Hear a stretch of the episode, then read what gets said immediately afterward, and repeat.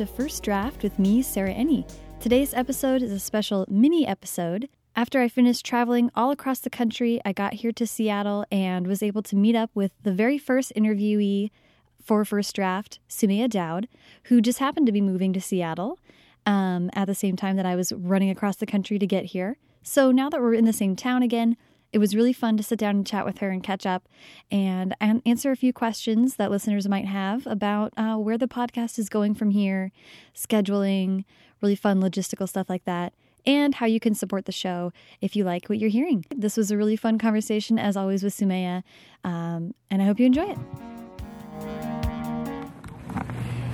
All right, so hi, this is Sarah Enni um, with Somaiya Daud. Uh, and you were my very first interview. Yes. For this whole project. Yes. And it was so nice of you to agree to be my guinea pig. Well, you know me. I like to talk. it was a great interview. I loved it. And um, at the time, we were both living in DC, and now it's however many months later, and we are on the campus of University of Washington. Woo! Yay! And you are getting your PhD. Yeah. You're officially a PhD candidate. Yeah. That's kind of nuts. Oh my god, I'm having like a belated freak out. yeah. I know, I'm already here. I can't leave. No, turning. Oh man, imposter syndrome. How have you? This was the first time for you moving away from home. Yes. How did that go? Good. It could have gone worse. That's what I always think. It, it could have gone worse. That's true. Um, I can't. I landed here, and I had an apartment when I landed here. Um, and I have a bed and a table and food, so I'm good. there you go. Yeah, living the broke college student life. Yeah. yeah, yeah. Well, I'm proud of you. That was really brave. I'm proud that you took the the road trip. You like literally drove across the country, which is like amazing. That was crazy. Yeah. I think my Prius is not the same. oh God, how many miles do you have on that thing now? Um, a lot. You can't sell it. I know. I know. It's going down. Uh. it's going down. It, I'm, I'm with that thing until it just decides to give up on me. oh, So I thought it would be a good time since we are now reunited on the West Yay. Coast to um, have another Q and A. okay. And um, yeah, so if there, um, so we have some questions just to let people know about what's going on with the podcast. So Right. I will hand the reviewing reins over to you. Oh no, that's a terrible idea. but okay. Um. Okay. I wish that you had. I It would have been really fun to be like Sarah from from Portland, Oregon wants to know. I, I yeah, I didn't give you uh, more detail. no, this is fine. I'll, okay, listen. I'll make up viewers. Ooh, make up ooh. viewers. Yeah. Okay. Okay, this is a challenge. All right, so so Balthazar Ah, from New York City, New York wants to know: Have you set up a podcast schedule yet? Yes, so the podcasts have been coming out really erratically. And that was mostly because I was on the road and I was trying to juggle a bunch of things.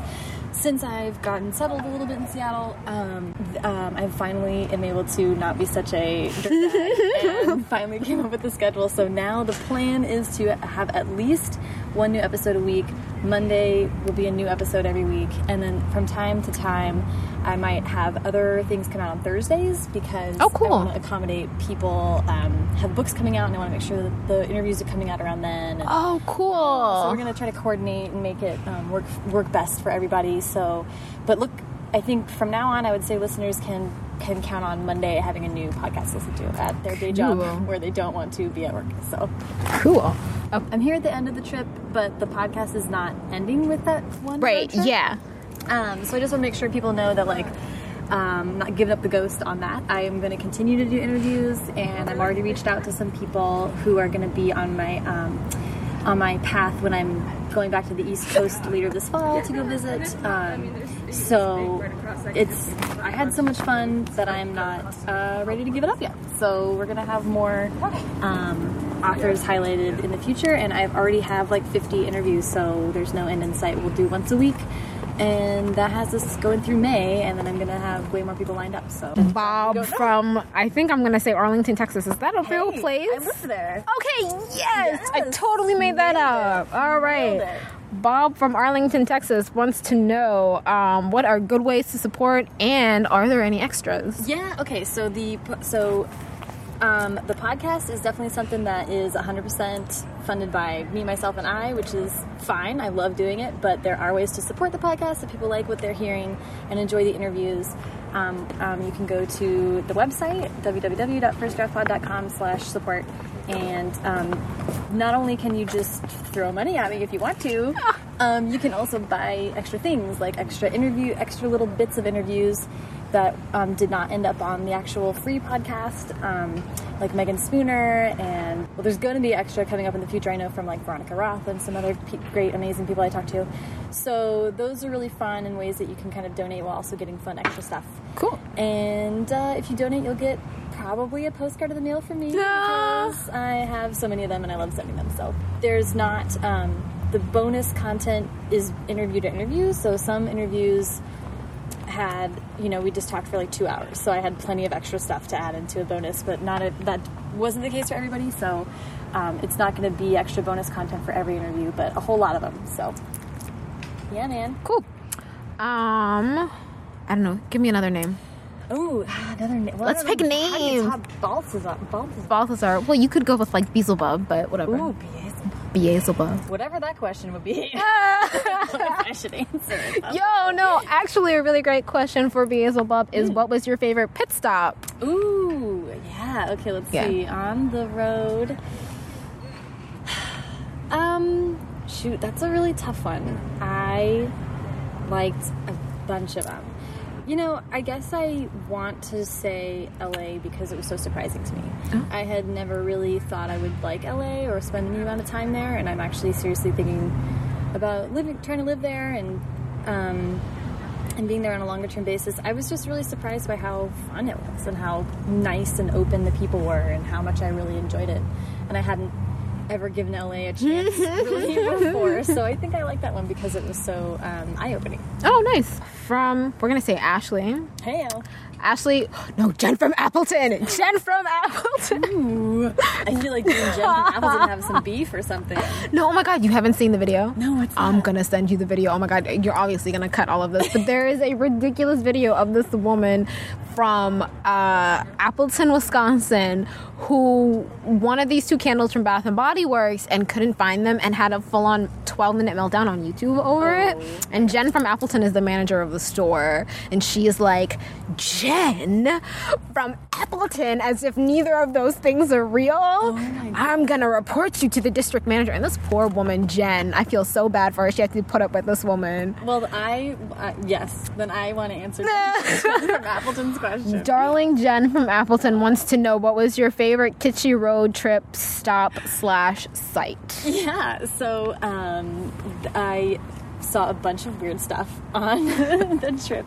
Definitely, actually, was on Route 66 for a while, and all those goofy, goofy things that have like 1950s style side of the road attractions. I saw a whole lot of of cement statue dinosaurs, like just everywhere. I don't know. As soon as you passed Texas, it was like. Dinosaurs were on the side of the road. It was weird. We also, with Kirsten Hubbard and I, fed um, ostriches at a, on the side of the road in Arizona. That was very fun. Apparently, you can ride them, but we did not Oh. decide to do that. I don't know. You know, and I guess the favorite thing was seeing the Grand Canyon. But if you're talking hmm. about kitschy stuff, the in Northern California in the redwood forest, there's a humongous Paul Bunyan and a Babe the Blue Ox statue, and they just have. it's by I think the Avenue of Giants, and they like. There's a guy who has a microphone that booms through Paul Bunyan's. Oh my god. And he'll just comment on people walking by, so he'd be like, "Hey, blue, blue shirt, like have a nice day" or something, and he'll just talk to people. And, Oh my, is that his them. job? Oh my god. So I think that was my favorite. I just sat in the parking lot for a while and listened to him heckle people. Oh my were walking by. that was pretty great. Okay, Somaiya from Seattle wants to know what superpower would you pick? I totally jacked this question from someone else. So if you're on Twitter and you're like, that was my question, Then just know somebody loved your question enough to take it as our own. right? Basically, yeah. I So actually, I will just say, if someone named Alison Cherry Oh. thought that, then that's a great question, Allison. Um, but Somaiya from Seattle, how does it feel to say Somaiya from Seattle?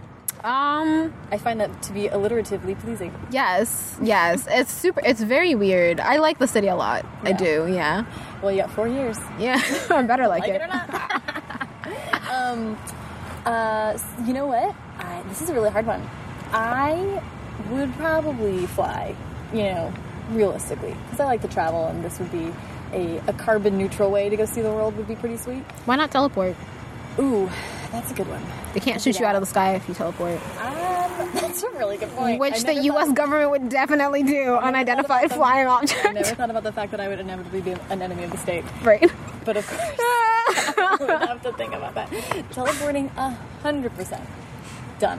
Maybe you know, and then it's tempting to save time travel, but I really, I don't think my brain could keep up with all of the uh, inevitable physics of altering timelines and things. I'm not responsible enough to be Yeah. time, so I'll go with transportation, with the with teleportation. Oh wait. Um. Your favorite bookstore.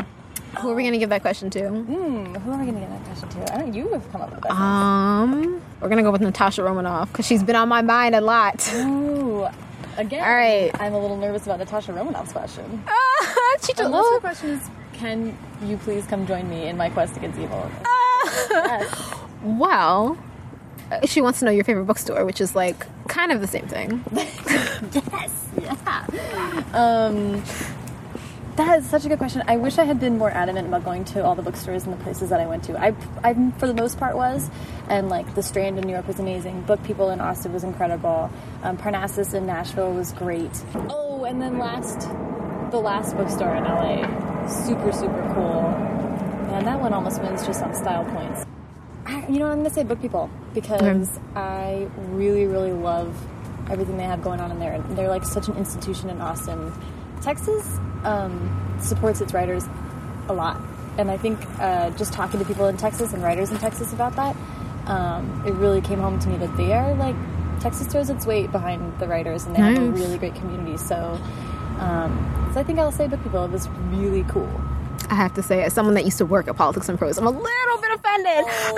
I was thinking I couldn't count DC because no, it no, it's like your starting point. Also, it's a hella awesome bookstore. Oh, Politics and Prose is yeah, the the tits. tits. I freaking love Politics and Prose.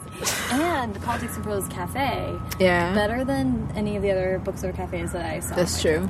Hands down for sure. Modern times. Modern Times Cafe, uh, Politics and Prose. If you are in the area, you have to go eat there. It's amazing. That is all of the mysterious list of people who had questions. The, I like these, Mr. I like the Natasha Romanoff. is it's very hard. Natasha Romanoff is always listening. I feel like like that's a thing. There's like a there's a storyline where she has like a recorder in her skin, where she just like records superhero doings, and like the kickoff of the plot is that someone rips it out of her. Because she uses it as, as blackmail, it's like insurance. Because she's a former Oh, KGB yeah, yeah, yeah. operative, so she uses it as insurance in case the United States ever turns against her or whatever. yep, yep. But like, yeah, So then someone well, yeah, someone like someone one of her former enemies like drugs her and then operates on her in the middle of the street and pulls this recorder out of her. I know it's so What in the world? it's like weirdly actually a good storyline, but for a while I was like issue 1 is kind of like you're off your rocker a little bit. This is really weird. interesting. Yeah. Um, wow. There's like a lot of subtext to that. I yeah, there is. There is. There's a lot. It's I mean it's like a it's like four or five issues. It's called Name of the Rose. Okay. Name of the Rose. And it's also by Marjorie Liu, who is um I don't like identifying women by their partners, but I think kind of like the kind of creative feedback that they must have with each other is like really fascinating to me. But she's Junot Diaz's partner. And they are such a power couple. They're so they're both such like uh, both together and apart. They're such amazing thinkers. So like whenever she's writing like a superhero, I'm like, yes, I'm there. Check in. Yeah, and she writes that storyline, and it's really it's a really great character piece on Natasha. Oh my gosh, I'm gonna go check it out right away. We've I've totally de- derailed this entire podcast. Who cares? Who cares? Have you? Did you ever? I stopped reading Gingerhaze, um, Noelle Stevenson's webcomic because I'm so anxious for it to be a full book. I Yes. want to have to wait week to week. Okay, well, she did like post last page fan art, and I was like, I want to read this right now, but I also want like the actual hardcover. I'm, I'm, I'm not gonna lie. I am gonna go read it. I'm, I was like- but I because now I can read to the end. Oh, And yeah. once it's out, I'll obviously go buy it. Right, yeah, Like yeah. And a half. I was like, I've read all these. There was a Right. couple new ones in Hyperbole and a half. Okay. Like, um, you know, I want to own it. I want Yeah. it to be on my shelf. yeah. All right, man. Well, Thank you so much for meeting up. Thank you. This was fun.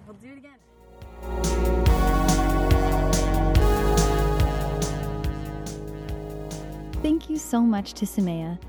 And I do want to take a minute to thank everyone who has already taken time and effort and energy and money to support the podcast, whether it's donating or buying the interview extras or just retweeting or liking on Tumblr. Uh, it, it is so appreciated. I thank all of you so much.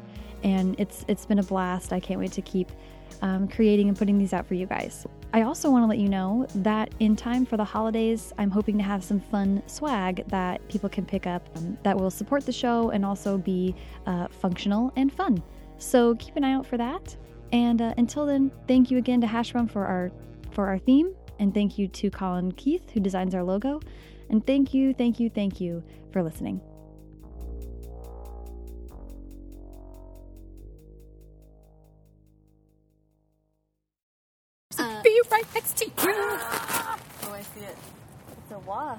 That's a wasp. You know, That that is guy? a really great way to make me not sit back down. you should totally keep this in the thing. Panic. Oh, I'll put it at the end. I'm, I'm going on Marvel on this shit.